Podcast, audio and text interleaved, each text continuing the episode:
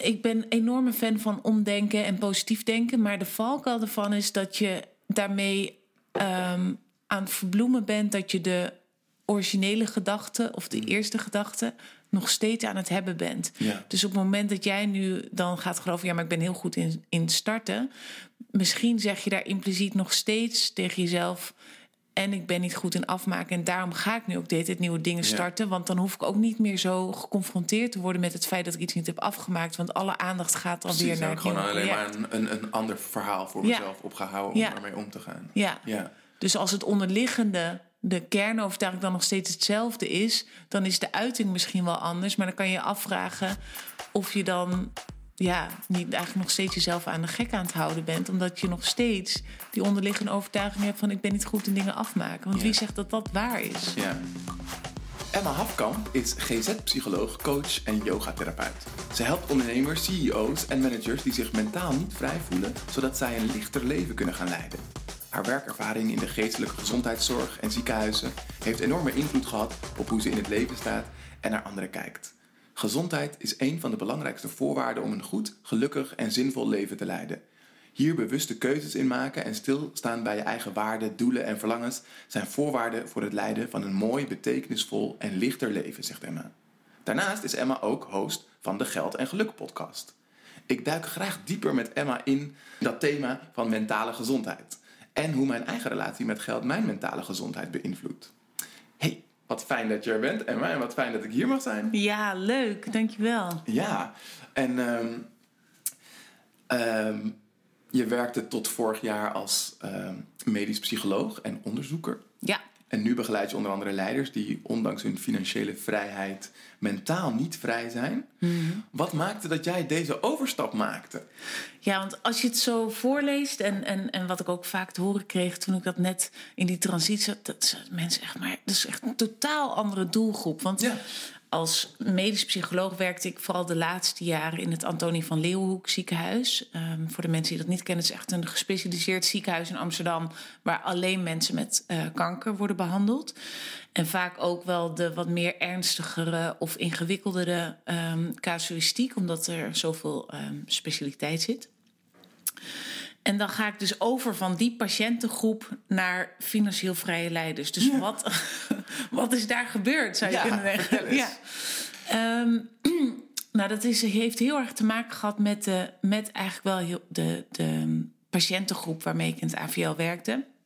Dat is ook nog wel interessant, want ik ben zelf altijd op een manier heel bang geweest voor de dood. En ik heb mezelf op een onbewuste manier weten manoeuvreren in dat ik gespecialiseerd raakte in de palliatieve en terminale patiëntengroep. Dus echt de mensen die aan het einde van hun leven zitten door, eh, door de ziekte kanker. Eh, dus nou, 99 van de 100 gesprekken en sessies die ik met patiënten had, gingen eh, in ieder geval een gedeelte over de dood. Ehm, en ik heb daar heel veel zelf ook van geleerd. En vooral ehm, wat ik heel veel heb gezien is... natuurlijk is daar ehm, heel veel angst bij mensen. eh, ook somberheid. Of het gevoel dat ze niet meer weten hoe ze hun leven moeten leiden... als nou ja, de dood nu eigenlijk zo dichtbij is. Maar waar eh, het ook heel vaak over ging, als die angst wat verminderd was of dat er wat andere ruimte eh, eh, kon komen en wat meer een gevoel van veiligheid, is dat mensen heel erg bij zichzelf gingen, of nagingen van hé, hey, wat vind ik nou eigenlijk echt belangrijk en hoe wil ik dit laatste stukje dat ik nog aan leven heb, hoe wil ik dat inrichten? Dus ze gingen andere keuzes maken of ehm, in ieder geval veel meer eigenlijk reflecteren en bij zichzelf voelen van welke waarden vind ik belangrijk, waar wil ik mijn tijd aan besteden. Ehm, en dat ik dus heel vaak zag dat deze mensen bijna hun mooiste levensfase gingen leiden terwijl het hun allerlaatste fase was. En dat waren zulke mooie gesprekken.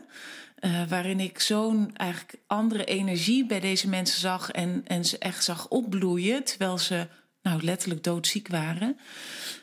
Um, dat ik daar ook heel erg zelf over na ben gaan denken. Want ik had altijd het idee van, hè, ik heb natuurlijk psychologie gestudeerd en uh, dan ga je eerst in loondienst en dan moet je nog veel werkervaring opdoen en um, überhaupt levenservaring opdoen en dan is het een beetje dat de gedachte is van ja, en dan aan het eind van je carrière, dan ga je ergens nog een eigen praktijk beginnen. En dan kan je daar ook nog lekker een beetje mee door als je met pensioen bent. Dus dat had ik als een soort van toekomstdroom. En uh, steeds vaker begon ik te denken van ja, maar waarom heb ik dat als toekomstdroom? Je weet niet hoe het leven loopt. En als dat iets is wat mij toch eigenlijk het allermooiste lijkt, omdat ik het dan helemaal kan inrichten zoals ik dat wil en belangrijk vind ja, dan, dan moet ik dat nu doen. Want dat zie ik nu de hele tijd bij al deze mensen gebeuren. Zij gaan nu de keuzes maken die ze belangrijkst vinden en bloeien daar helemaal door op. Ja. Uh, dus ik wil niet wachten totdat ik misschien ook een keer geconfronteerd word met, met uh, een snellere deadline dan ja. je hoopt of denkt.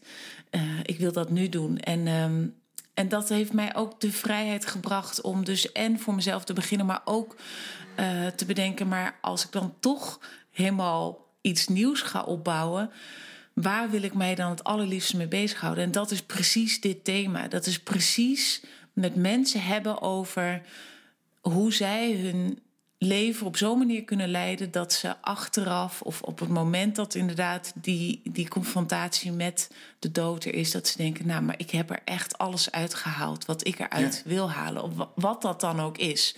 Dus precies die gesprekken die ik met die patiënten in het AVL voer ik nu met mensen die geen patiënten zijn, maar die um, in een positie zitten waarin ze ook heel veel voor zichzelf, maar ook voor anderen kunnen betekenen.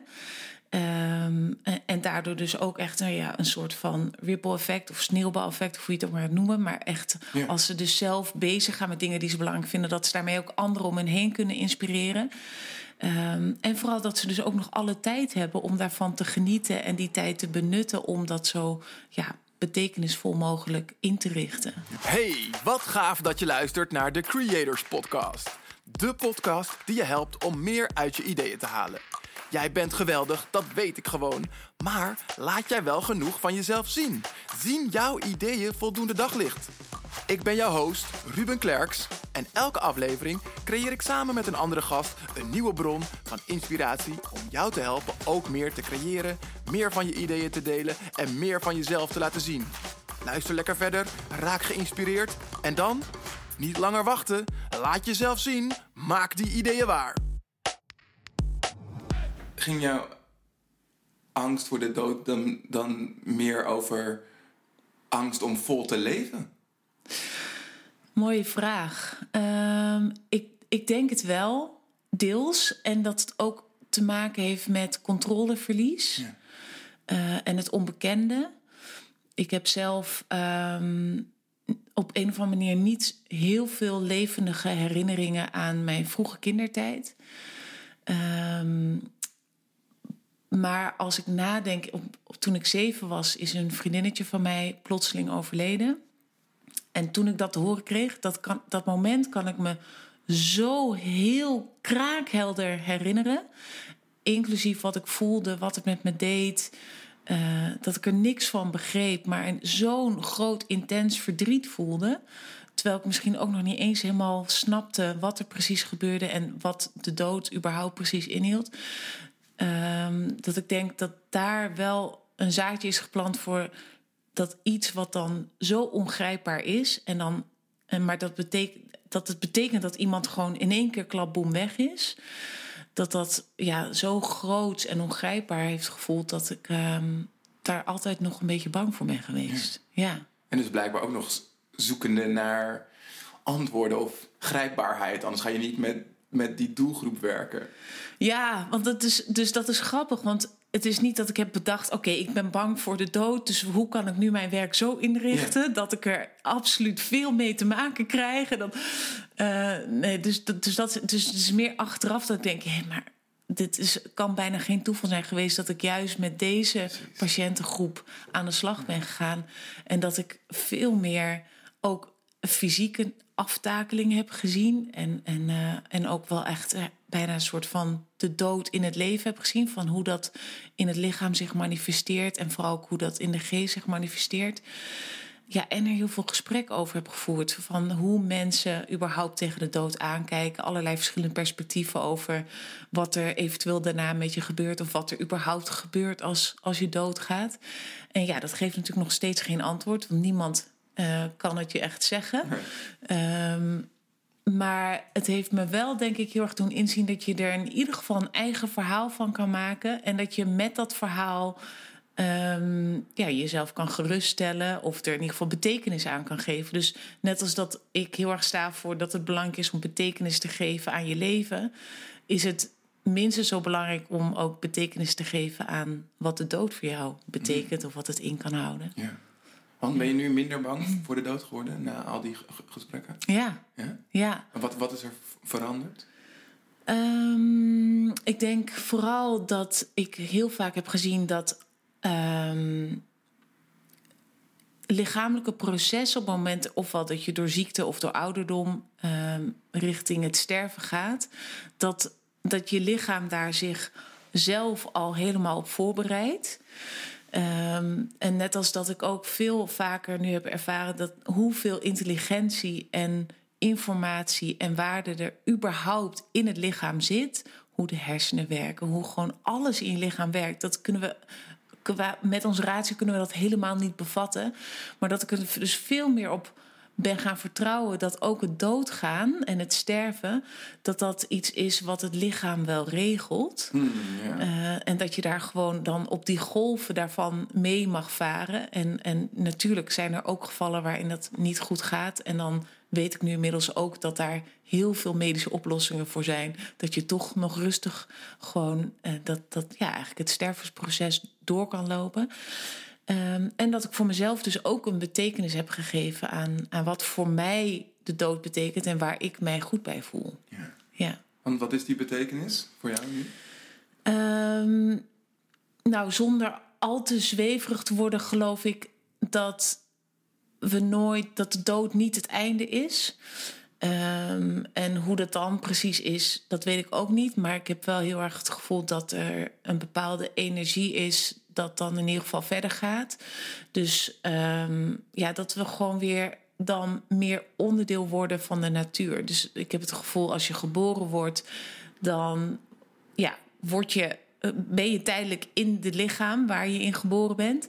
En daarna word je weer teruggegeven aan de natuur. En dat het op die manier doorgaat. Dus ja, dat je um, echt weer onderdeel wordt van, van de aarde en de energie. En dus dat niet, voor mij is het niet dus het, het einde. Ja. ja. En wat, wat, wat mij opviel aan um, uh, jouw, jouw aanpak, zoals je die op je website beschrijft, en Mm. die ook deelt zoals soms in, de, in je podcast uh, Geld en Geluk terug hoort, is, is, is dat je heel holistisch ook werkt. Dus ook echt Ja. kijkt naar um, lichamelijke en mentale gezondheid. Ja. Is, daar, is daar binnen de psychologie ook voldoende aandacht voor aan die combinatie van lichaam Mm. en geest? Ik denk dat dat wel steeds meer aan het komen is. Um, maar uh, zo ben ik niet opgeleid. Nee? Nee. Dus, um, en ik ben nog niet per se heel oud of dicht bij mijn pensioen. Dus, uh, dus mijn opleiding is nog best recent. En daarin gaat het toch echt heel erg over uh, de cognitieve insteek. Dus dat je heel erg rationeel en analytisch en reflecterend gaat kijken naar de psychische problemen van iemand.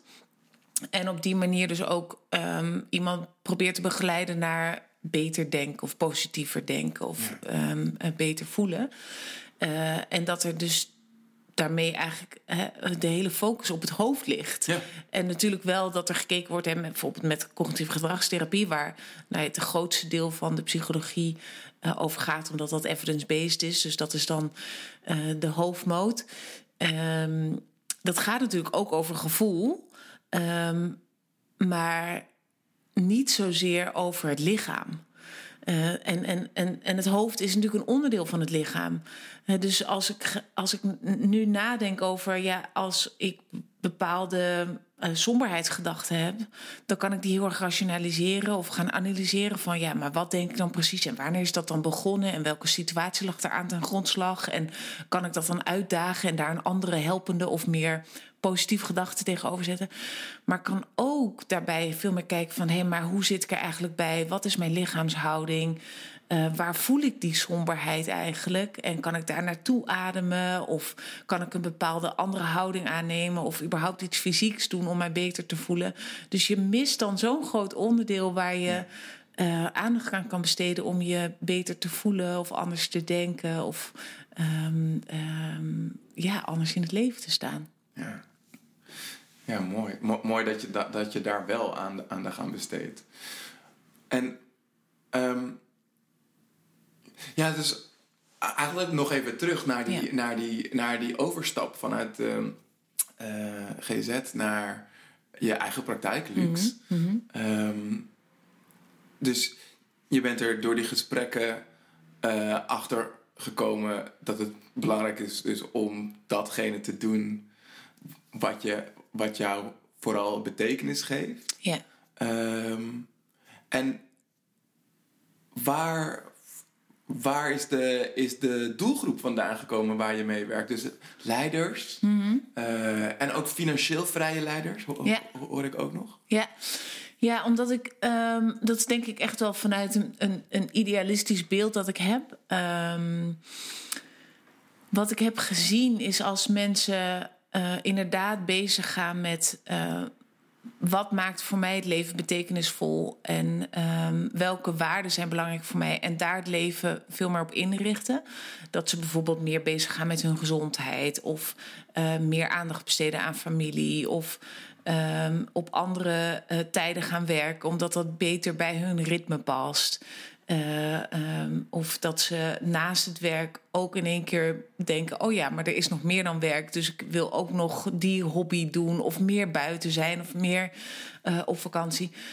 Dus ze maken dus andere keuzes en daarmee uh, zijn ze tegelijkertijd ook een voorbeeld voor de mensen die dicht naast hun staan. Want het valt op als je in één keer andere dingen gaat doen. Of als je laat zien dat je gelukkiger wordt. Als je um, uh, durft bepaalde keuzes te maken. En uh, als je nou dus in een positie zit waarbij je en veel mensen om je heen hebt. Uh, die daar eigenlijk van mee kunnen profiteren. Maar waar je ook dan dus ook nog de invloed hebt om in een bedrijf of in je eigen bedrijf bepaalde beslissingen te maken waar anderen dan ook profijt van hebben. Bijvoorbeeld dat je ze meer vrijlaat om ook hun eigen keuzes te maken in plaats van dat je ze het regime van 9 tot 5 oplegt of uh, dan en dan moet je pauze nemen. Dan uh, als ik dus op deze mensen insteek, dan gaan daar allerlei eigenlijk wolkjes van mensen omheen ook van profiteren. En daarmee wil ik dus niet zeggen dat bijvoorbeeld de schoonmaakster niet of minder belangrijk is. Maar als ik de schoonmaker of schoonmaakster um, uh, uh, kan laten inzien om andere keuzes te maken. Maar vervolgens loopt hij of zij tegen een muur op omdat de baas het er niet mee eens is. Omdat hij dat nog niet zo ervaren heeft en dat dus niet belangrijk vindt. Dan schieten we niet zoveel op. Dus ik steek liever in eigenlijk een soort van boven in de piramide. Zodat daaronder het allemaal ook gaat bewegen. In plaats van dat ik onderop begin en dat je tegen allerlei muren aanloopt. Hmm, ja. Ja. Ja, wat, wat, wat er dan natuurlijk vanuit gaat dat er een piramide is die je, die je in, in stand houdt. Ja. Um, en, en dat de mensen bovenin de piramide die vrijheden hebben, um, die misschien onderin helemaal niet uh, aanwezig zijn. Hoe ga je om met. met um, nou ja, laat, laat, ik het anders zeggen. Het is, mm. het is een vraag van mij. Met, met, met, met, met mensen die dus juist ervaren van ja, maar ik heb die financiële vrijheid helemaal niet. Dus um, ik heb nog helemaal niet de ruimte om over dit soort dingen na te denken. Ja, ik, ik denk dat dat een hele uh, logische gedachte is die opkomt, uh, maar dat die niet klopt. Oké, okay, vertel. um, allereerst denk ik namelijk, het feit dat ik me daarop richt, uh, betekent niet dat daar impliciet de boodschap in zit dat je dus alleen maar een betekenisvol leven kan leiden als je voldoende financiële middelen hebt. Um, het betekent vooral dat uh, ik daar een keuze heb gemaakt omdat ik het heel interessant vind om met mensen bezig te zijn die ook nog qua financiën een grote, potentieel grote impact op de maatschappij kunnen hebben. En ik vind het ook heel belangrijk om bezig te zijn bijvoorbeeld met duurzaamheid. En uh, ja, ik leef dan, misschien is het een illusie, maar daar geloof ik dan graag in, dat ik um, als ik met mensen in trajecten in gesprek ben die dus veel middelen hebben, uh, dat geld, want daar gaat natuurlijk de podcast ook over, dat, dat de energie van geld en gewoon überhaupt de impact van geld dan op een hele positieve manier ingezet kan worden. Bijvoorbeeld voor duurzaamheid, voor nou ja, alleen het milieu, maar ook duurzaamheid van de gezondheid van mensen. Dus, dus daarom ben ik me op deze doelgroep gaan richten. Maar dat wil helemaal niet zeggen dat als je weinig financiële middelen hebt, dat je dan niet bepaalde keuzes kan maken.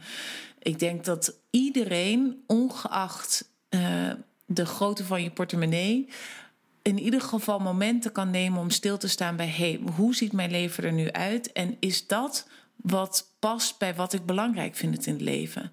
En dat kan namelijk ook over hele kleine dingen gaan. Vind jij het belangrijk om um, um, met je gezondheid bezig te gaan? Uh, maar ben je alleen maar uh, gefocust nu op hard werken om maar in ieder geval voldoende geld binnen te halen, zodat je gezin um, te eten kan krijgen. Dat betekent niet dat je ook bij wijze van spreken een kwartier per dag naar buiten kan gaan en kan gaan wandelen of kan gaan hardlopen, wat niet veel geld kost. Het enige wat je nodig hebt zijn goede schoenen. Um, of um, vind je het belangrijk om uh, voldoende ontspanning te hebben, omdat je merkt dat je eigenlijk de hele tijd hè, dat het water, uh, hoe zeg je dat, aan je, aan je lippen staat. Aan je lippen staat. Ja. Um, besluit dan om elke keer als je naar het toilet gaat, daar een ademhalingsoefening te doen kost je helemaal niets. Kost ook niet veel tijd. En dat kan je hartstikke goed integreren in welke baan dan ook. Of als je geen baan hebt en je bent alleen maar op zoek naar hoe kan ik toch iets krijgen, want het is ja. belangrijk, want ik heb schulden of wat dan ook. Toch, toch, toch, toch, toch lijkt het alsof um, die doelgroep. Ik, ik, ik merk dat ik, dat ik het daar zelf moeilijk mee heb, omdat, omdat ik ook met die doelgroep werk. Alsof die doelgroep daar hoger in de piramide daar meer mee bezig is. Uh, of, dat, of dat nou is dat ze de tijd nemen of krijgen of in de ja. mogelijkheden zijn, dan mensen die lager in die ja. piramide zitten. Ja. Hoe, hoe, hoe komt dat, denk je? Ik denk dat dat komt omdat op het moment dat je ofwel geld tekort hebt of het een soort van kiele is, dan wordt heel veel van jouw um, denken in beslag genomen door um, het feit dat je aan het overleven bent. Ja.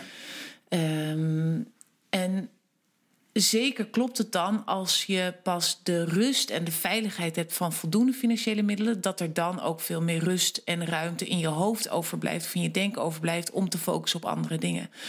Maar dan nog denk ik dat dat ook is omdat uh, als je zo beslag wordt, uh, of in beslag wordt genomen door ja, eigenlijk die overlevingsdrang en geld binnenhalen, dat dat niet betekent dat je er niet mee bezig kan zijn. Alleen um, is het dan misschien ja, uh, belangrijker dat je er echt heel bewust uh, op gewezen moet worden of aan herinnerd moet worden dat er ook nog meer is dan alleen die overleving. En want om, om negen uur s'avonds op de bank, ja, dan is er misschien niet zo heel veel mogelijkheid op dat moment om uh, geld binnen te halen. Dus dan kan je er wel over gaan piekeren. Hmm. Maar dan is het misschien nuttiger om te besluiten om dan juist een momentje te nemen om niet te piekeren, maar iets anders te doen wat belangrijk voor jou is. En dat is natuurlijk heel makkelijk gezegd, maar dat is ook heel makkelijk gezegd voor mensen die wel veel geld hebben, die ook piekeren. Want het is Ja. natuurlijk een illusie of nou, gewoon een onwaarheid om te bedenken dat als eh, mensen veel geld hebben of financieel vrij zijn, dat die niet meer piekeren of geen Ja. zorgen hebben of zich niet goed voelen. Ehm, ik denk dat dat wel heel vaak gedacht wordt, omdat het er aan de buitenkant zo succesvol uitziet. Ehm, maar dat is, natuurlijk, dat is natuurlijk helemaal niet waar. Nee. Want, want dat is een beetje de aanname die mensen misschien hebben: dat, dat als je meer geld hebt, dat je gelukkiger wordt. Ja, Eh, precies. en, en, en wat zijn jouw ervaringen da- daarin eh, vanuit je praktijk als je met die financieel vrije leiders praat? Ja, ehm, natuurlijk, waar we het net over hadden, hè, als ehm, je geld zorgen hebt.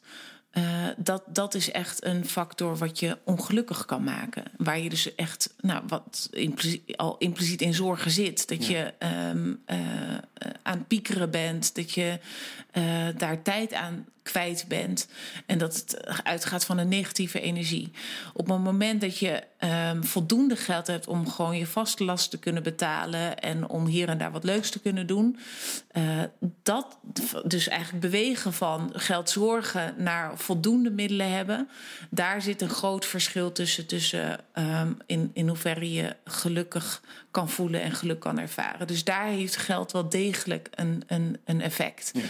Uh, op het moment dat het daarboven gaat, dat zie je ook in wetenschappelijk onderzoek, dan, um, dan, dan maakt het heel weinig of niet, of soms zelfs op een negatieve manier maakt geld dan wat uit. Want er zijn ook heel veel mensen die heel veel geld hebben en daardoor juist meer zorg hebben omdat ze bijvoorbeeld al gewend zijn aan een bepaalde leefstijl en denken: ja, maar dus ik kan nu nooit meer minder geld dan dit binnenkrijgen, want dan ben ik nu zo aan gewend, dan, dan, dan, ja, dan, dan word ik weer ongelukkig. Dus, ja, dan dus moet ik die... zelf mijn huis schoonmaken en dan kan ik de interieurverzorgster. Precies, klinkt heel decadent, maar Ja. dat zijn wel alsnog zijn het zorgen. Ja, ja. En ehm, dan kan je heel erg kijken naar wat, zijn nou de, wat is de inhoud van die zorgen. En oh, maar dat is dan minder erg. Want ja, het is toch veel erger als je niet je brood op tafel kan krijgen dan of je zorgen maakt of, dus, of je zelf je huis moet schoonmaken.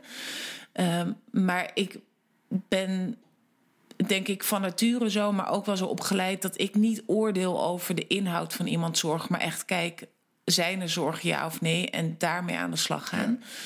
Uh, maar ja, dus veel geld kan ook wel degelijk zorgen geven. Uh, maar het, en veel geld is niet dus per definitie gelukmakend. Het is vooral eigenlijk die transitie Ja. naar dat je voldoende geld hebt om uh, niet meer dat gevoel te hebben dat je geld nodig hebt voor de overleving, maar dat dat gewoon gecoverd is. Ja. Wat is jouw eigen relatie met geld? Ja, dus ik denk dat daar dat het feit dat ik veel ook met geld bezig ben in de podcast en met mijn klanten, is, is ook wel omdat ik daar zelf um, uh, veel over nadenk en heb Ja? gedacht. Ja, ik ben heel erg al van kinds af aan een enorme spaarder. Uh, dus alles wat binnenkwam, uh, zette ik opzij. En vroeger was dat met mijn, gewoon mijn spaarpot en mijn pennyrekening. En nu, nu is het, het is heel lang mijn spaarrekening geweest. En ook tijdens mijn studententijd, eh, ook al had ik geld over en zag ik mensen allemaal leuke dingen doen, eh, ging ik het gewoon opzij zetten. Dus dat, dat mijn spaargeld was aan het groeien en aan het groeien, maar ik had er geen doel voor. Dus ik zat echt gewoon op een gegeven moment op een zak geld en ik deed er niks mee. En nog steeds had ik het gevoel dat ik meer moest sparen en meer moest sparen. Dus ook al was um, dat geld of die spaarrekening aan het groeien, het gaf mij geen geluk. Sterker nog, ik werd er eigenlijk ook een beetje zenuwachtig van. Want ik kan dan denken, um, op het moment dat ik het nodig heb, een keer, want ik had een keer nodig, ik wist niet waarvoor, mm-hmm. dan moet er wel voldoende opstaan. En dan wil ik eigenlijk ook nog wat overhouden. Want het gaf me dus eigenlijk dat, dat, dat ik die sparing had, gaf mij een heel veilig gevoel ergens. Maar het moest dus eigenlijk wel steeds groter worden, want elke keer was het niet, nog niet veilig genoeg. Ja, de situatie waar je het voor nodig kon hebben, werd ook steeds groter. Precies, ja. ja. ja. Um, dus, dus hoe meer geld ik had, dat had helemaal geen relatie met hoe meer gelukkig ik werd of hoe meer veilig ik mij voelde. En, um, en mijn broer is het tegenovergestelde. Dus, dus zodra hij geld heeft, dan spendeert hij het. En niet zozeer aan materiaal, maar vooral eigenlijk aan ervaringen. Dus die uh, kon dan tijdens zijn studie geld lenen om daarmee op vakantie te gaan. En dan stond ik daarbij en keek ik naar en dacht ik echt... hoe kan je nou met geleend geld op vakantie gaan?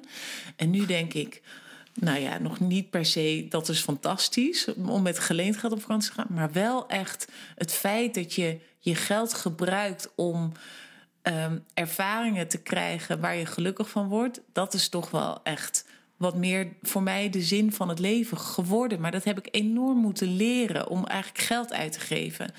En um, toen ik daar meer op ging reflecteren, kwam ik ook achter van ja, ik geef makkelijk geld uit, bijvoorbeeld aan verjaardagscadeaus voor anderen, maar niet zo erg makkelijk aan geld uh, aan mezelf.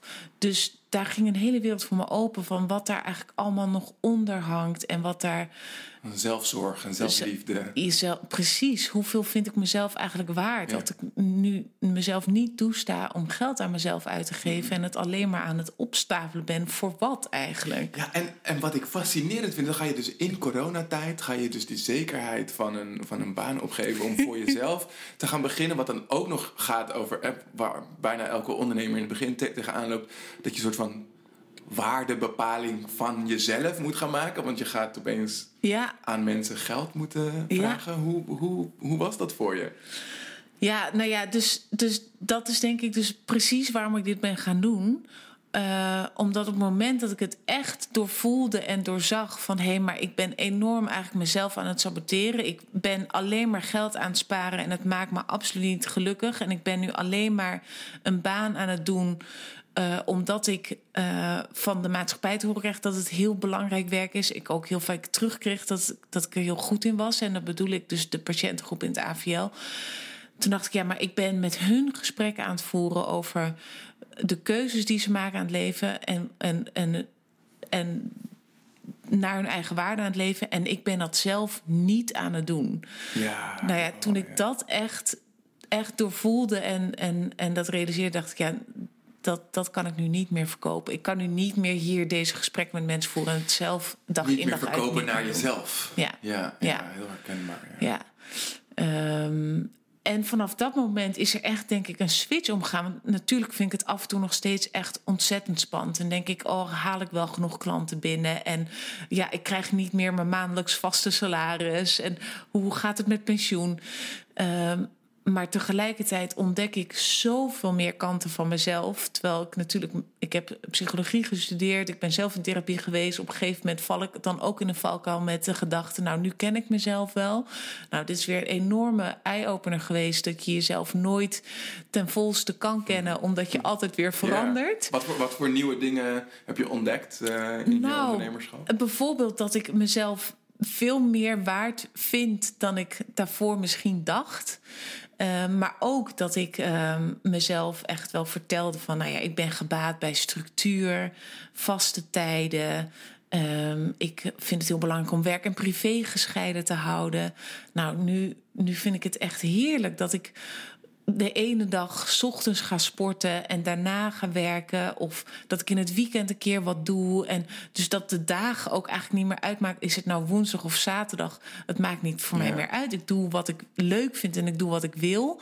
Uh, het kan op elk moment gepland worden. Dus ik ben veel meer flexibel. Ik ben veel meer um, gaan vertrouwen op mijn intuïtie. Dus waar ik in het begin nog heel erg en ook zo opgeleid bent om aan protocollen vast te houden en mensen ook zo te behandelen, begon ik al wel steeds meer te voelen en ook in, in het AVL te zien van ja, die mensen waren doodziek die voldeden niet aan wat mijn protocol altijd voorschreef. Dus moest ik daar al natuurlijk omheen uh, slalommen. Maar kwam ik er steeds meer achter dat dat juist misschien ook wel juist bij mij past.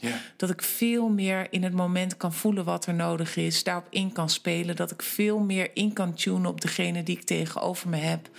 En... Uh, uh, ja, dat ik natuurlijk bedenk ik van tevoren wat zouden kunnen of wat is er belangrijk in de behandeling nu. Ehm, maar als er iets anders zich aandient, dan is dat op dat moment belangrijker. Dus ik kan veel meer meebewegen met wat er is. Mooi. Ja. ja. Ik denk ook wel dat dat echt een van de, ja, vind ik, mooiste elementen, fascinerende e-, elementen van het ondernemerschap is dat je dat je niet meer kan verschuilen achter die structuren en systemen die door anderen zijn opgelegd. Als je voor een werkgever werkt, ja, dan moet je om die tijd beginnen. Of dan zegt eigenlijk iemand anders: als je aan het werk bent, dan doe je dit. En dan ben je dus niet aan het sporten. Ja. Dus eigenlijk zelfs je aandachtrichting uh, is eigenlijk door iemand anders bepaald. Misschien wel in, indirect. Terwijl als je gaat ondernemen dan mag je opeens al die keuzes zelf maken. En ik zeg mag, want uh, soms voelt het voor, voor, voor, me, voor ondernemers, heb ik ook al gemerkt, ook als wennen en heel ongemakkelijk. Want dan ineens ben jij in control over waar je je aandacht aan besteedt. En dus ook indirect wat jij dus belangrijk vindt. Uh, je kan wel zeggen dat je iets belangrijk vindt. Je kan wel zeggen dat je je eigen gezondheid belangrijk vindt. Maar als jij dus, wanneer puntje bij paaltje komt, niet voor, je, voor jezelf kiest, voor je eigen gezondheid, maar voor je opdrachtgever. Ja. Dan, dan, dan kan je dus eigenlijk ook niet meer verschuilen achter.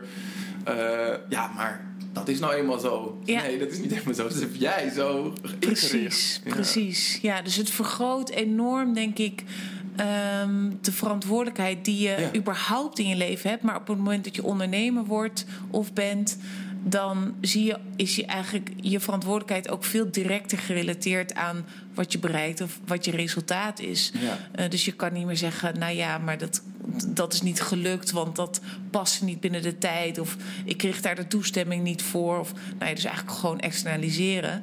Nee, je kan het nu echt helemaal eh, bij jezelf leggen. En dat is soms spannend, eh, maar daar zit dus ook heel veel potentie in. Ja, ja. Ja, Ja, ik, ik, ik spreek zelf, altijd over de tandem van vrijheid en verantwoordelijkheid. Mhm. En dat die twee eigenlijk samen opgaan als het, Ja. als het goed is. En ik bedoel, je ziet ook wel excessen waar dat mensen juist extreem veel vrijheid nemen, permitteren, hebben. ja, eh, maar niet de bijbehorende verantwoordelijkheid nemen. Nou, Dan, dan noemen we ze vaak losbollen of ja. on, onverantwoord. ja. Maar je hebt ook mensen die heel veel verantwoordelijkheid nemen en zich niet de vrijheid permitteren om voor zichzelf te kiezen of een, Ja, of een eigen weg te gaan. Die kunnen er ook helemaal vastzitten. Maar, als, Ja. maar als, als het goed is, kan je het allebei meenemen. Ja. En, en nu ik dit zo zeg, denk ik, ah ja, dit is, hier, hier zie ik ook wel iets in jouw werk. Als je dus met financieel vrije leiders werkt, dat je ze dus ook kan prikkelen om hun verantwoordelijkheid te gebruiken om door te geven. En Precies. dus de mensen om hen heen ook Precies. daar een positieve impact op te Ja. hebben. Ja, dat het, dat, dat het feit dat jij financieel vrij bent, betekent niet dat je er dus bent of zo. Of Nee. dat je je doel hebt behaald. Of dat je nu kan gaan zitten en niks doen. Ik bedoel, dat mag. Eh, maar de meeste mensen die ik daarover spreek, die hebben dat ook wel even geprobeerd. En die komen erachter dat dat echt niet geluk, gelukmakend is. Eh, dat, je dan, ja, dat je dan stopt met groeien. Dat je dan de zingeving mist. En dat is misschien niet per se bewust zo, maar je gaat, het gaat wringen. Dat je al dat geld hebt, bijvoorbeeld, of dat vermogen, en dat je er niks meer aan het doen bent, behalve een soort van je vrijheid aan het vieren. Maar wat is die vrijheid nog waard als je niks kan bijdragen aan, aan de wereld? Ja, ja. En in de, in de afgelopen... Want je bent nu anderhalf jaar on- on- ondernemer? Nee, sinds eh, november, dus nog niet eens een jaar. Dus echt, Ah, wauw. echt kort. Ja. Ja. Heb je al patronen kunnen on- ontdekken of overeenkomsten of thema's in waar, waar die leiders mee spelen? Wat hun geluk misschien beïnvloedt? Ja, ik denk dat dat heel erg eh, dus in, in de waarde zit. En waarde gaat over zelf waarde kunnen ervaren in je leven of in je werk of ehm, eh, in de ervaringen die je hebt. En minstens zo belangrijk is ook de waarde die je terug kan geven. Of die jij kan overbrengen aan anderen. Of dat nou is met ehm, eh, dingen die je aan anderen leert. Of, of heel direct dat, dat je eh, waarde levert door je geld ergens aan te geven of aan te doneren of in te zetten. Dat maakt helemaal niet zoveel uit. Maar dat het heel erg gaat over dat die beide vaat, vaatjes eigenlijk, dat die gevuld worden. Dus je kan alleen waarde leveren, maar als je daarin zelf geen waarde ervaart, dan, dan gaat het wringen. Of je kan heel veel waarde ervaren en krijgen, maar geen waarde leveren. Ook dat wringt. Dus het is heel belangrijk om die beide kanten van de nou ja, waardemedaille, om Ja. die te zien en, en die dus ook zo goed mogelijk in te kleuren. En ehm, en wat ik heel vaak zie is op het moment dat mensen financieel helemaal niks meer nodig hebben, omdat er een overvloed aanwezig is, eh, dat het voordeel daar inderdaad daarover is van ja, maar dan heb je alle vrijheid en dat is fantastisch. Dat soort van de hemel of de, het, het, de, de speelplek waar je zijn wil. Maar als je dan alsnog dus die medailles niet hebt ingekleurd of eh, voor jou helder hebt wat voor jou belangrijk is en waar jij waarde kan leveren, dat het dan helemaal niks waard is, letterlijk. Dat je dan een echt, nou, wat ik zie is dat ze bijvoorbeeld een soort onbestemd gevoel van leegte ervaren of eh, een schuldgevoel van ik heb dit, maar ik, ik eh, wil het liever verbergen. Ik wil niet dat mensen het zien, want ja, ik, eh, ik schaam me ervoor of ik doe er niks mee. Letterlijk fysieke klachten kunnen krijgen. Juist omdat ze er ook dan nog niet zo bewust mee bezig zijn. Dus dat is ook weer die verbinding tussen lichaam en geest. Als er eigenlijk iets op, op geestelijk of mentaal niveau niet helemaal lekker zit, maar je besteedt er geen bewuste aandacht aan, dan gaat dat wel op een andere manier naar buiten komen. Dus dan krijg je ehm, slaapproblemen of vermoeidheidsklachten of uh, spierspanning in de vorm van hoofdpijn of buikklachten of eczeem, dat het via de huid naar buiten komt. Hm. met, met, met wat voor vragen komen mensen bij jou? Want, want zoals wat jij nu beschrijft, als ik dat soort symptomen heb, ja. dan denk ik niet in eerste instantie, ik ga naar een psycholoog.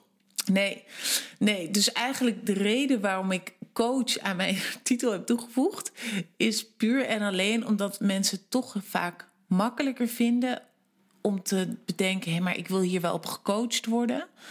Dan dat ze zeggen: hé, maar hier heb ik een psycholoog of een therapeut voor nodig. En dat is denk ik ehm, ook nog heel erg geboren vanuit het systeem waarin we zitten. Dat je gaat naar een psycholoog of therapeut op het moment dat je ziek bent en echt heftige klachten hebt of een, uh, een psychische stoornis. En um, um, ik snap heel goed dat het systeem zo ontstaan is en dat het er op deze manier is. Maar ik ben mij veel meer aan het bewegen naar de preventieve zorg, omdat ik daar veel meer de waarde van inzie. Dat je dus juist met jezelf aan de slag gaat op het moment dat je misschien al wel iets van ongemak voelt, of dat je vooral een verlangen voelt waar je nog niet bent. Um, en daarmee dan jezelf toestaat om daarmee al aan de slag te mogen gaan, zodat je niet ziek hoeft te worden of ernstige klachten hoeft te gaan ervaren. Um, dus de kracht van preventie zit hem volgens mij heel erg in dat je juist aan de slag gaat met thema's op het moment dat je daar nog voldoende energie voor hebt. Die energie heb je nodig om te kunnen reflecteren, om besluiten te nemen, om um, een, een, het bigger picture te zien, om een helikopterview in te kunnen nemen. Um, dat lukt allemaal niet als je psychisch al wat meer eigenlijk in de klachtenstroom zit of in de stoornisstroom. Dan moet je daar eerst uitkrabbelen voordat je weer naar een volgend niveau kunt gaan.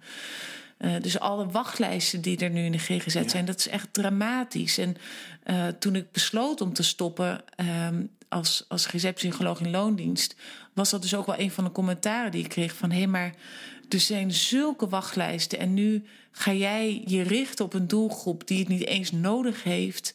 Terwijl je de titels en de ervaring en de opleiding hebt om juist mee te werken aan het verminderen van de wachtlijsten. Wat zit dat met jou dat je zulke commentaren kreeg? Op, nou, op een keuze die jij, ja. van, van diepst van binnen voelde dat je die moest maken? Nou ja, en ik denk juist omdat ik het zo diep van binnen voelde, uh, begreep ik heel erg wat er gezegd werd, maar raakte het me niet, omdat ik veel meer geloof in dat als wij het systeem kunnen veranderen in meer aandacht besteden aan preventieve zorg, dat dat een duurzame oplossing is voor al die wachtlijsten. En niet elke keer eigenlijk dweilen met de kraan open, maar dat we nou eens een keer die kraan dicht moeten gaan draaien. En veel meer um, dus programma's op mogen gaan zetten voor de preventieve zorg. Ja. Uh, en natuurlijk is daar een lange weg te gaan. Maar als ik niet begin en als daar hier en daar andere poppetjes niet mee gaan beginnen, dan, dan, dan komt die transitie überhaupt niet. Nee. En krijg jij dan nu in jouw praktijk um, mensen die vanuit die preventie komen? Of um, uh, ook die inderdaad al uh, aan, aan, aan de kant zitten van dat ze al uh, in de problematische kant te, terecht zijn gekomen. Nee, nee, het is wel echt in de, in de preventieve hoek. Dus dat wil niet zeggen dat mensen geen klachten hebben. Want natuurlijk, het is ook hè, het is een illusie om te denken dat um, gezonde mensen nooit klachten hebben. Of dat je niet gelukkig kan zijn als je klachten hebt. Um, maar het zit absoluut niet in de kant van ziekte of stoornis of depressie of heftige angsten. Um, het zijn gezonde mensen die klachten hebben en die vooral ook verlangens hebben naar iets waar ze beter in willen worden of iets wat ze nu nog missen en vaardiger in willen worden of iets wat ze toe willen voegen aan hun uh, arsenaal. Ja. ja. want ik vond het wel interessant in wat jij noemt die, die, die op zoek zijn naar een lichter leven. Mm -hmm. En wat betekent dan een lichter leven voor jou?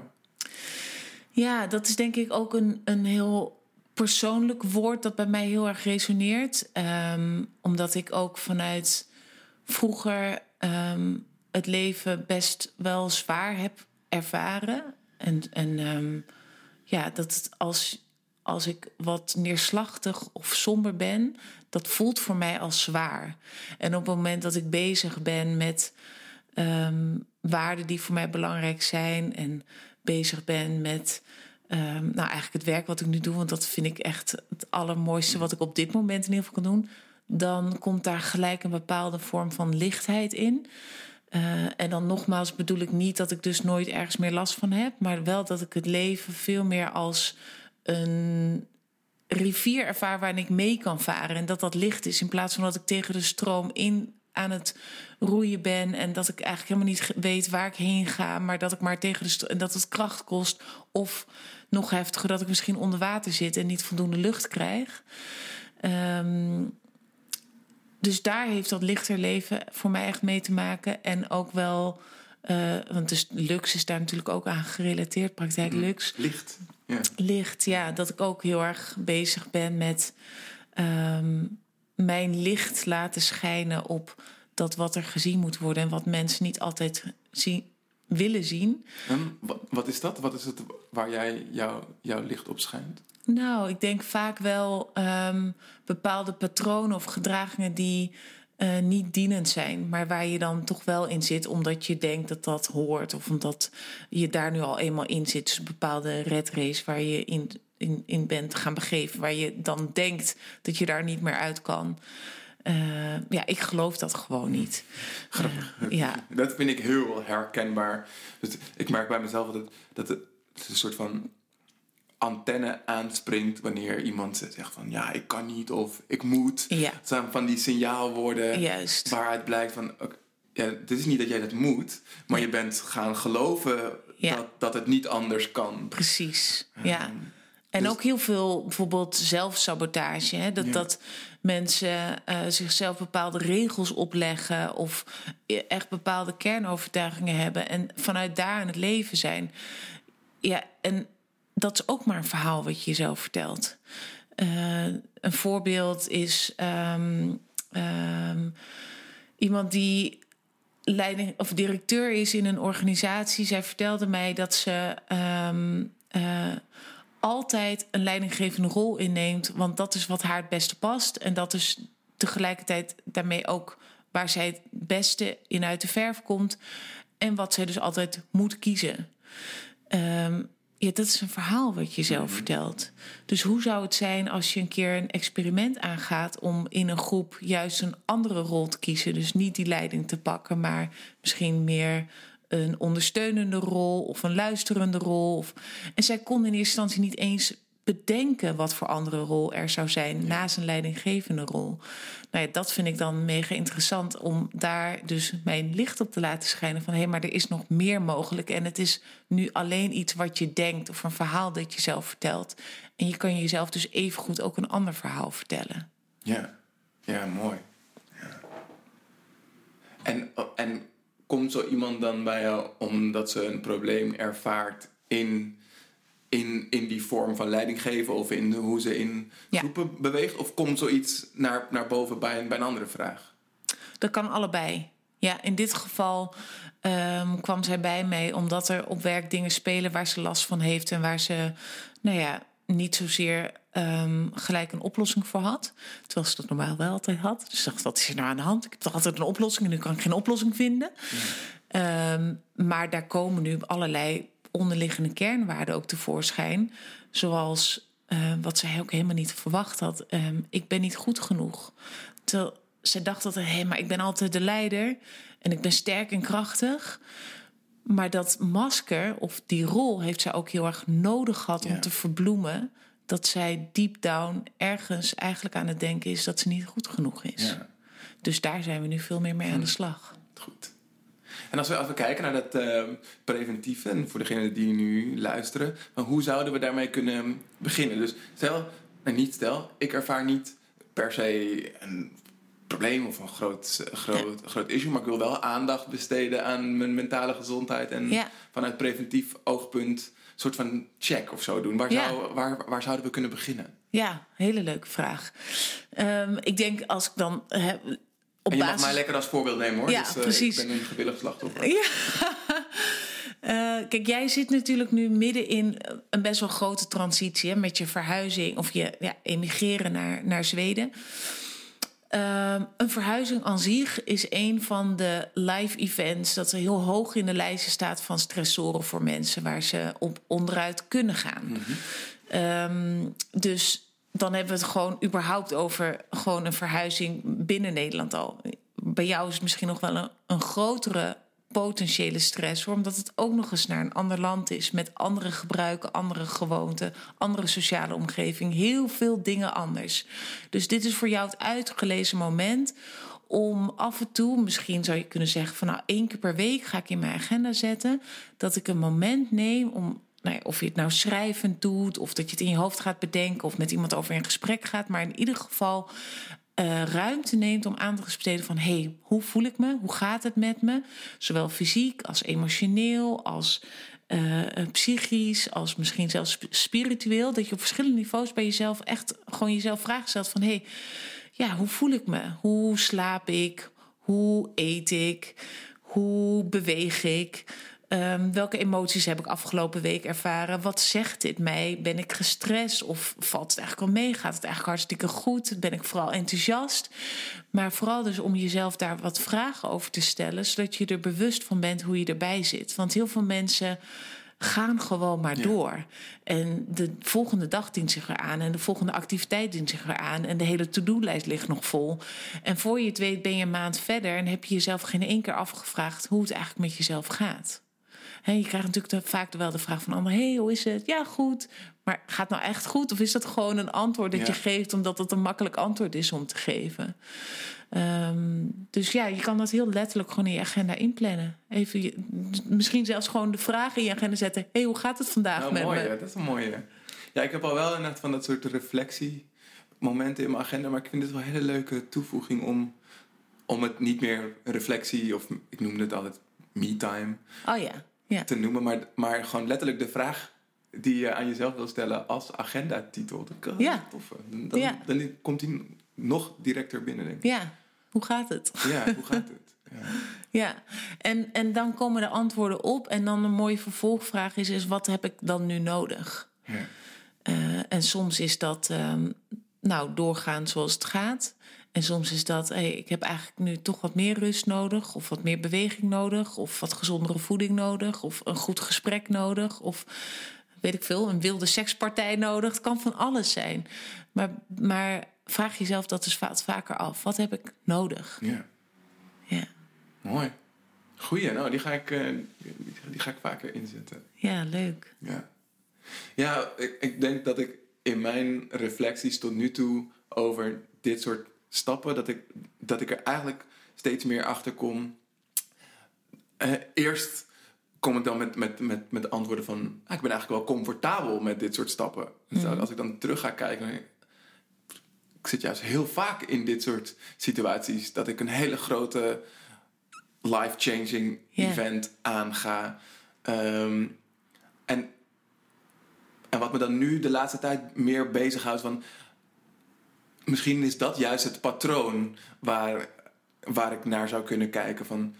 ehm, in hoeverre heb ik het nodig of denk ik het nodig te hebben om steeds van dat soort radicale veranderingen Ja, in mijn leven te brengen. En mijn vriendin vraagt het zich de laatste tijd ook wel eens hardop af van... Maar ga jij niet, als we daar straks in Zweden zitten na een paar jaar weer... eh, totaal iets anders willen? Ja. Wie zegt me dat je, dat, je, dat, je, dat je dit nu vol gaat Ja. houden? Dus dat, dat is nu eentje waar, waar, ik, waar ik wel nog onderzoek naar zou kunnen ja, doen. ja, vooral ook dat je het woord zegt volgehouden. Daar zit natuurlijk al iets in van dat je het voelt als je iets langere tijd doet, dat het gaat over volhouden. En in volhouden zit ook al misschien een soort van uithoudingsvermogen. Dat je iets moet doen terwijl je het eigenlijk al niet meer wil, maar ik moet het volhouden. Ja. Dus daar zit misschien al een oordeel dat? in. Oh, oh, oh, wat grappig. In welk, in, welk, in welk kader zei ik dat? Ik ga er natuurlijk later terugluisteren. Ja. Maar in welke, Dat- in welke zin zei ik dat? Dat, dat ofwel jij of je vriendin zei, ja, ga je dit dan wel Ja. volhouden hier in Zweden? Ja. Oh, grappig, ja. Oh nee, dat is, eh, dat is goed dat, dat, dat ik dus aanhaal dat, dat iemand anders dat zegt. Omdat het voor mijzelf vroeger een thema was. Dat ik, dat ik dacht van, oh, ik ben niet goed in dingen afmaken. En dat was Oh, dus ja. ook verbonden aan het wel of niet iets volhouden. Mijn middelbare school heb ik in eerste instantie niet afgemaakt. Nee. En, ehm, eh, en ja, dus ik heb, ik heb vaker dan rondgelopen met de gedachte: ah, ik ben niet goed in dingen volhouden. En net in, eh, ik weet niet of de aflevering hiervoor was of eh, nog eentje terug, eh, heb ik ehm, de, de coach geïnterviewd die mij tien jaar geleden heeft geholpen om die gedachte om te denken. Namelijk dat ik dacht altijd van: ik ben niet goed in dingen volhouden of af- afmaken. Daarom Ja. kwam ik eigenlijk bij haar. Ja, En zij zei van, maar waarom focus je nou de hele tijd op dat, dat je niet die dingen af kan maken? Wat is nou de positieve andere kant daarvan? Ja. ik ben heel goed in dingen starten en dingen, dingen, dingen opzetten. ja, Maar dus het kan dus ook wel zijn dat, dat, dat je dus ook daarna misschien wel juist de hele tijd dingen bent gaan opstarten omdat, je daar, omdat ik daar comfortabel mee ben. Ja en, en ik ben een enorme fan van omdenken en positief denken. Maar de valkuil ervan is dat je daarmee ehm, aan het verbloemen bent dat je de originele gedachte of de eerste gedachte nog steeds aan het hebben bent. Ja. Dus op het moment dat jij nu dan gaat geloven, ja, maar ik ben heel goed in, in starten. Misschien zeg je daar impliciet nog steeds tegen jezelf. En ik ben niet goed in afmaken. En daarom ga ik nu ook hele tijd nieuwe dingen Ja. starten. Want dan hoef ik ook niet meer zo geconfronteerd te worden met het feit dat ik iets niet heb afgemaakt. Want alle aandacht gaat dan weer naar ik gewoon alleen project. maar een, een, een ander verhaal voor Ja. mezelf opgehouden om Ja. daarmee om te gaan. Ja. Ja. Dus als het onderliggende, de kernovertuiging dan nog steeds hetzelfde is, dan is de uiting misschien wel anders. Maar dan kan je je afvragen of je dan ja, niet eigenlijk nog steeds jezelf aan de gek aan het houden bent. Omdat je nog steeds die onderliggende overtuiging hebt van ik ben niet goed in dingen afmaken. Want Ja. wie zegt dat dat waar is? Ja. Ja, nee, dan, dan, dan, dan denk ik dat ik nu wel kan zeggen dat dat niet, dat dat niet speelt. Dat, Ja. dat, ik, dat ik niet denk dat ik niet goed ben in dingen afmaken. Ik zie jou dat ik heel veel dingen heel goed afmaak. Ja, Eh, maar dat het me wel destijds dat die gedachte, die overtuiging, me klem zette. ja, Eh, ja. dus, en dat, die, die klemheid ervaar ik nu niet meer. Dus dat, Nee, eh, het, het, het feit dat ik constateer dat ik steeds in nieuwe situaties kom. Of in situaties die totaal anders zijn. Of waarin ik misschien een vreemde eend in de bijt ben. Mhm. Ehm, daar, daar, daar ben ik zelf oké mee. En, Ja. eh, ik heb niet het idee dat daar, dat, dat daar een issue zit. Omdat ik ook tegelijkertijd me ook heel comfortabel voel in mijn gezinsleven. eh, Precies. en eh, een lange, stabiele relatie heb. En- Precies. ja, dus- Je hebt voldoende bewijs voor jezelf ook dat je juist ook dingen heel lang kan ja, ja. doen en volhouden. Ja, ja, inderdaad. Ja. ja, en ik vind het wel grappig, nu we het hier zo over hebben, komt een soort van cirkeltje wat dan rond wordt. Dat we begonnen over de dood ehm, en, en, en over angst daarvoor. Dat, dat ik ook heel erg heb gemerkt. Ik ben ook anders gaan aankijken tegen iets afmaken. Waarbij ik vroeger, zeg maar, iets afmaken of afronden, dat dat voor mij impliceerde dat je, dat je het afsluit en dat je er daarna niet meer naartoe terug kan. Of dat, Ja. dan, dan is het weg. Ja, En terwijl ik nu veel meer ervaar van, ja, iets afronden is juist de schoonheid. Ehm, dus het feit dat het eindig is of kan zijn, maakt, maakt dat, ik, dat, dat ik er in het moment ook meer van kan genieten. Ik denk ook dat, je, dat als je het hebt over voluit leven, dat, dat, dat we dat alleen maar kunnen omdat we weten dat het leven eindig is. Je moet je voorstellen hoe het leven zou zijn als je inderdaad niet meer die dood zou hebben. ja precies. Nou ja, en dat, dat is denk ik juist ook een beetje... dus als je al die vrijheid hebt van het leven... als, als er dus geen deadline aan zit... Dat, dat kan gewoon wat verlammend werken. En dat is hetzelfde met... als je dus zoveel geld hebt dat je het nooit op kan maken... kan dat ook verlammend werken. Ja. Dus dan, dan zit er ook uh, ogenschijnlijk geen eindigheid Ja. aan jouw financiële mogelijkheden. ja, Ja, oh wat grappig, ja. Ja, als dan daar ook een soort van oneindigheid in zit. En wat dat. Ja, ja dus dat zou ook verlammend kunnen worden. Ja. Wat, wat dan eigenlijk ook een soort van dubbele confrontatie misschien met, met zich meebrengt. Van oké, maar waarvoor doe je het dan? Als je, Precies. als je oneindig kan leven of als je oneindig veel geld hebt. Ja. eh, wat, wat is dan nog echt belangrijk? Of pas je dan nog wel een hiërarchie toe in wat jij echt belangrijk vindt? ja, als het toch allemaal misschien niet meer uitmaakt. Ja, als het, als Ja. het allemaal niet meer uitmaakt. Of je Ja. kan alles doen. Ja. Als, je, als je alles kan doen, dan, dan sta je misschien ook niet meer voor die keuze. Waar ik misschien, eh, weet ik het, eh, 1000 euro per maand te besteden heb. Dat ik een keuze moet maken wat ik ga doen. En daarmee dus een uiting van wat ik belangrijk vind. Ja. Ja, dus dan gaat, komt het echt neer op ehm, zelf toch keuzes maken op basis van jouw interne kompas. En niet Ja. op basis van dat dat geleid wordt door externe mogelijkheden of onmogelijkheden. Dus dan word je echt heel erg teruggeworpen op jezelf om jouw leven in te richten op een manier die voor jou goed is. eh, terwijl er dus eigenlijk geen kaders zijn of geen Ja. grenzen zijn. Ja, ja, ja. Ja, wat een goeie. Ja, wij, wij, wij, wij- wij zijn ons bedrijf in, in Zweden aan het opzetten. En het, dat, dat heet Slow Life. Mhm. Slow Life Sweden. En heel veel mensen denken dat het gaat... Wat niet zo raar is, gezien de naam. Dat slow gaat over dat je langzamer gaat eh, leven. Ehm, maar het gaat voor ons veel meer over vertragen om met aandacht te kijken naar wat vind jij nou belangrijk. Dus, dus wat, welke waarden zijn voor jou belangrijk om een waardevol leven te leiden. Dus, eh, en, en de tegenhanger daarvan is vaak snelheid. Dus dat we in, in de haast van alle dag eigenlijk onbewust dingen doen waar we misschien helemaal niet meer achter staan. Die ons helemaal niet meer helpen. Ja. Ja, dus daarin eh, vinden we elkaar wel. ja, heel mooi. Op zoek gaan naar die, naar die waarden. Ja. Ja. ja, en ik denk zelfs ook nog dat juist... eh, we leven natuurlijk in een maatschappij waarin alles heel snel moet gaan en ook heel snel gaat. En dat er ook allerlei dingen uitgevonden worden om dingen sneller en efficiënter te laten gaan. Dus dat is blijkbaar van de wereld of, of de maatschappij een hele belangrijke waarde, dat, de snelheid. Ja. Ehm, en als je dat dan zo belangrijk vindt, dan kan je dus in de valkuil trappen dat vertraging dan voelt als tijdsverlies of als inefficiënt. Terwijl ik juist heel vaak zie op het moment dat dat mensen vertragen en daardoor meer zicht krijgen op hoe ze het leven leiden of wat belangrijk is, dat ze daarna in een hele andere stroomversnelling Ja. komen, die ze veel sneller gaat brengen naar een nou, hè, goed en gelukkig leven. Ja. Ten Ja, als je- als je- van als je die eerdere zo, stroom.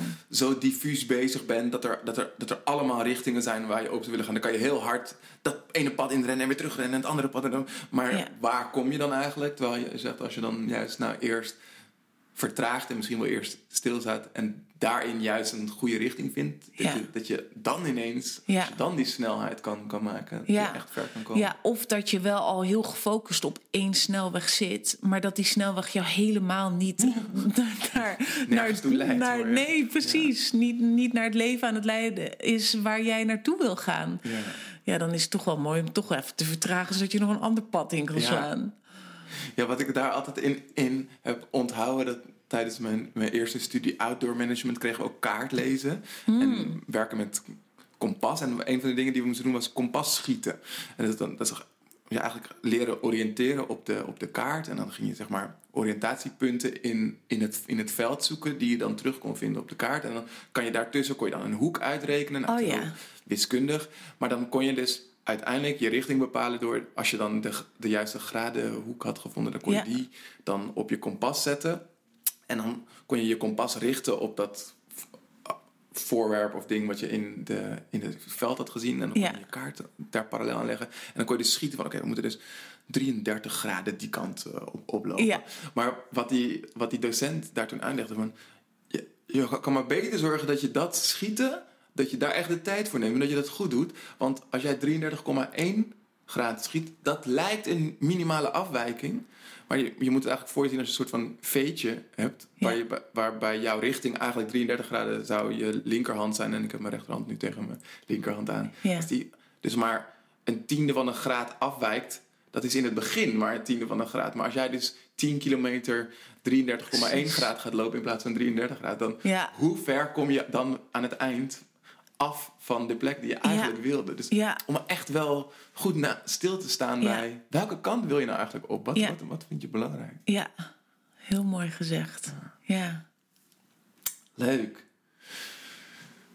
Ehm, ja, ik zit te denken. Is er nog, ik, ik merk de laatste tijd in mijn, in mijn podcast, en we naderen het einde van het, van het seizoen, maar dat ik steeds vaker eh, eh, niet, meer een, eh, niet meer een einde heb. We hebben het net over het, over het, over het einde gehad en, eindigheid, maar dat ik, dat ik niet meer goede, goede eindes heb in mijn podcast. Dat is wat ik tegen mezelf zeg dan. ja, want wat is een goed einde voor jou eigenlijk?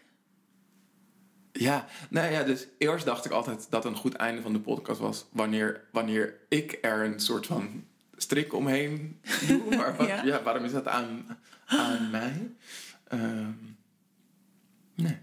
Ja, en, en wanneer kan je er een strik omheen doen? Aan welke voorwaarden heeft het dan voldaan? Ja. Ik denk dat het een combinatie is van. En de reden waarom ik de Creators Pod- Podcast ben begonnen is mijn eigen nieuwsgierigheid en die volgen. Ja. Dus wanneer is een gesprek voor mij goed afgerond? Dat, nou, dat het grootste gedeelte van mijn nieuwsgierigheid ehm, vervuld is, of dat ik, Ja. dat, dat ik dat heb kunnen onder, onderzoeken. Ehm, en, en het is een combinatie ook van natuurlijk dat ik me committeer aan een format. eh, en dan, dan is tijd. Ja. Het is iets wat echt in die zin buiten mezelf geplaatst is. Ehm, dus dan gaat er toch ergens altijd nog een belletje rinkelen. Niet, niet letterlijk, want ik zet geen timers. Maar wel van, oh, je, je nadert nu het einde. Maar dat is misschien helemaal niet het natuurlijke einde van het g- gesprek. Ehm, ja, dus... Ja, en, ik, en wat ik ook belangrijk vind... ehm, ik, heb, ik heb heel vaak in de voorbereiding van een, van een podcast... hebben we het erover... En we, bijvoorbeeld met mijn, met mijn interviewcoach... Van, ben je nou in een gesprek of ben je in een interview? Het zijn Oh, twee ja. Ja. totaal verschillende dingen. En ik vind, vind gelijkwaardigheid is een van mijn belangrijkste waarden. Dat is ook iets waar ik mee struggle als ik in een podcast zit. Want het format van ik als interviewer en jij als geïnterviewde is in die zin niet gelijkwaardig. Mhm. Ehm, het is wel, we kunnen wel een gelijkwaardige inbreng hebben binnen onze rol. Maar dus daarin zoek ik ook altijd naar. ehm, heeft het voor jou als gast eh, ook gebracht wat je hoopte dat het kon brengen? Eh, dus wanneer kan ik er een strik omheen doen als het, als het voor ons allebei voelt van hé, hey, ik heb willen vragen wat ik.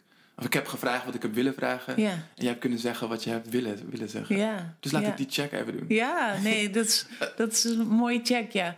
Ja, ehm, ik was wel dit gesprek ingegaan met ehm, een hele open houding. Dus ik wist natuurlijk niet precies wat je ging vragen. Dus ik had ook niet precies in mijn hoofd van... oh ja, maar dan heb ik deze en deze antwoorden. Dus dat moet ik gezegd hebben. Ehm, dus nee, ik denk dat er hele mooie dingen aan bod zijn gekomen. En ik hoop ook echt dat...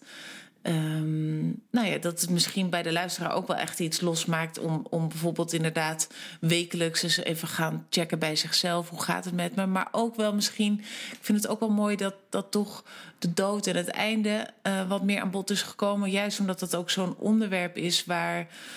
Ehm, waar ik zelf vroeger ook echt bij dacht van... nou, als ik dat, dat ergens zou zien staan... dan zou ik daar niet op geklikt hebben of zoiets. Ehm, terwijl ik juist sinds het bij mij veel meer onderdeel is geworden van mijn leven... ehm, is het niet alleen dat ik het minder eng ben gaan vinden... maar is mijn leven ook veel, misschien bijna intenser geworden Levendiger. levendiger. Ja, mooi. Ja. Ehm, en waar we het net dan over hebben van hoe sluit je nou een podcast dan goed af, geloof ik ergens ook niet meer zo in hele eh, vaste eindes. Ja. Dus waar het hier dan stopt, betekent niet dat dat zeg maar dat er dan een hype zou vragen en dan oh ja, dan is het klaar af en op. Ehm, maar dat is dan altijd ook weer of het suddert nog een beetje door, of het is weer een startpunt voor iets nieuws. Dus elk einde heeft ook weer een nieuw begin in zich. Ja. En dat, ehm, ja, dat, dat gegeven vind ik ook gewoon weer zo mooi. Dus, dus dit einde van dit, deze aflevering is ook weer een begin voor de luisteraar misschien voor een nieuw Ja. pad of een nieuw inzicht. Of, nou, dat, nou ja, Mooi. dat vind ik wel heel mooi. Ja. Ja, en nu je, nu je dit zo zegt, ik ga nog even door, want eh, als er geen einde hoeft te zijn. nee, maar er er zit, iets, er zit iets heel frappants eigenlijk in hoe je zo'n podcast maakt. Want ehm, ik ben helemaal met je eens, dat herken ik ook, dat, dat hè, waar, waar wij hier, hier eindigen, is misschien wel weer het begin van iets anders, of wat dan weer doorsuddert in een volgende aflevering bijvoorbeeld.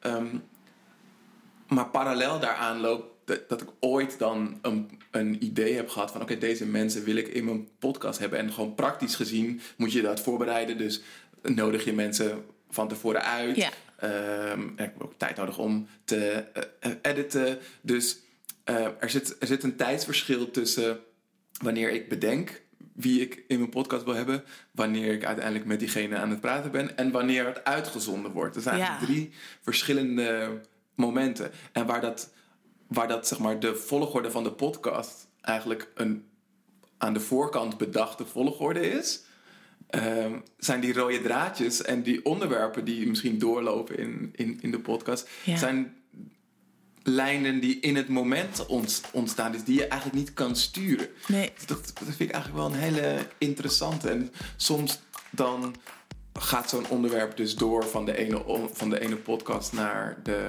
volgende. En soms slaat hij misschien een paar keer over. ja, En, en, en, en nu, nu we het hier zo over hebben, dan.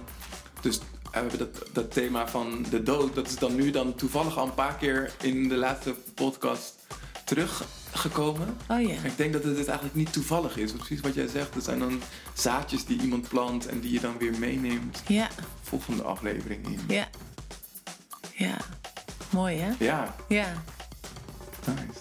Ontzettend bedankt. heel graag gedaan. Ja, ook bedankt. Wil je nou verder praten en in actie komen over dit onderwerp? Ga dan naar onze website creatorscompany.nl en sluit je aan bij de Creators Community. De volgende aflevering is alweer de laatste aflevering van dit seizoen. Dan praat ik met biohacker en ademcoach Casper van der Meulen. Tot de volgende Creators Podcast.